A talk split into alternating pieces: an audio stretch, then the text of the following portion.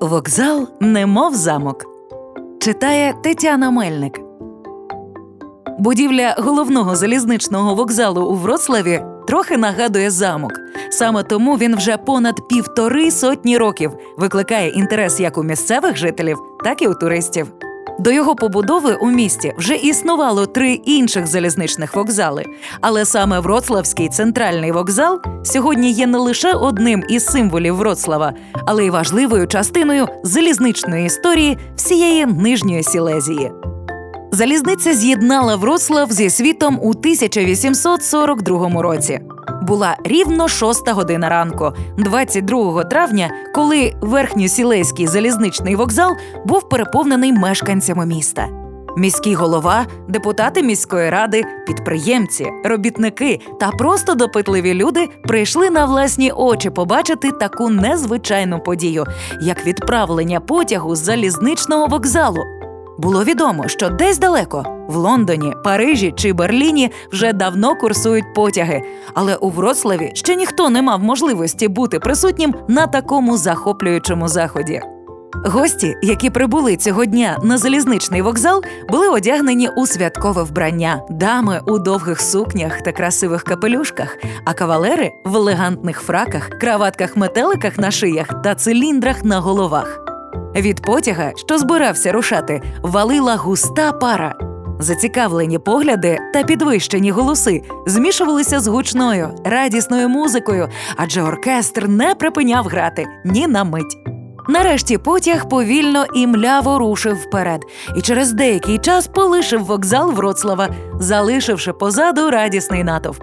Так розпочався перший рейс потяга на сьогоднішній польській землі. Це була перша подорож потягом у межах сучасної Польщі.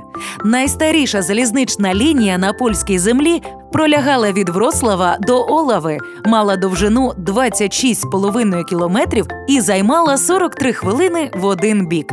Станція Бреслау верхньосілейської залізниці була відкрита для пасажирів 21 травня 1842 року. Будівля цього найстарішого залізничного вокзалу в Польщі досі стоїть на вулиці Малаховського, хоча від його колишньої слави сьогодні мало що залишилося. Верхньосілейське залізничне товариство отримало дозвіл на будівництво залізничної колії з Вроцлава до Познані, після чого було прийнято рішення про будівництво нового, значно більшого залізничного вокзалу, яким би милувалися гості, що приїжджали до Вроцлава. У середині 19 століття домінуючим напрямком в архітектурі був неостиль, тобто спосіб спорудження нових будівель таким чином, щоб вони виглядали як старі будівлі, так ніби їм було кілька сотень років.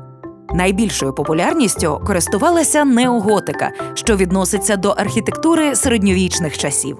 Саме в такому неоготичному історичному вбранні інженер Вільгельм Гранов спроєктував головний залізничний вокзал Вроцлава, через що у мандрівників будівля асоціюється з середньовічним замком. Будівництво тривало два роки і було завершене в 1857 році.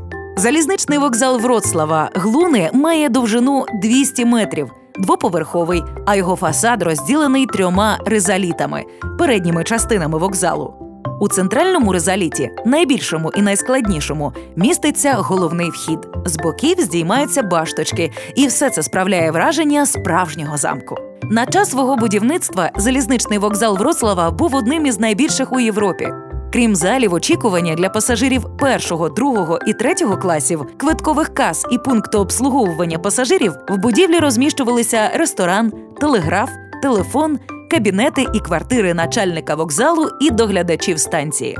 Коли у 1855 році розпочалося будівництво головного вокзалу Бреслау, він фактично зводився на південній околиці міста. Навколо було майже порожньо, а по сусідству був рибний ставок. Однак швидкий розвиток залізничного транспорту призвів до того, що ціни в цьому районі почали стрімко зростати. І на сьогоднішній вулиці маршала Юзефа Пілсудського незабаром з'явилися красиві готелі і таунхауси. Там, де сьогодні знаходиться головний зал вокзалу з касами та ресторанами, раніше був перон. Це було змінено переплануванням на рубежі 19-20 століть. Платформа була перетворена на зал, і станція отримала п'ять платформ, кожна з двома коліями. Вони були накриті довгим залом із сталевими опорами. Лише п'ята платформа прилягала до однієї колії і була накрита окремим дахом. Такою вона залишається і сьогодні. Вже тоді вокзал мав усі зручності, які мають сучасні європейські вокзали такого типу: комфортабельні зали очікування, каси, ресторан, поштове відділення, камера схову та туалети. На верхньому поверсі розташовувалися службові приміщення, квартири для персоналу та багато оздоблена зала засідань правління залізниці. Розширений головний вокзал з тих пір служить найважливішим залізничним вокзалом міста.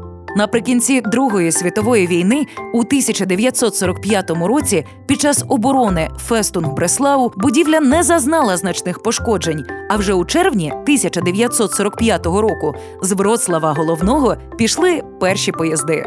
Сьогодні Вроцлав має одну з найбільших мереж діючих залізничних вокзалів у Польщі, а пасажирське перевезення досі обслуговують 19 залізничних станцій та два вокзали в межах міста. Zadanie realizowane jest w ramach Funduszu Narodów Zjednoczonych na rzecz dzieci UNICEF na podstawie Memorandum of Understanding pomiędzy Funduszem Narodów Zjednoczonych na rzecz dzieci UNICEF a miastem Wrocław z dnia 9 czerwca 2002 roku oraz Letters of Exchange for the Provision of Support Related to Emergency Refugees Response in Wrocław from the 9th of June 2022. Nagranie i produkcja Studio Plac.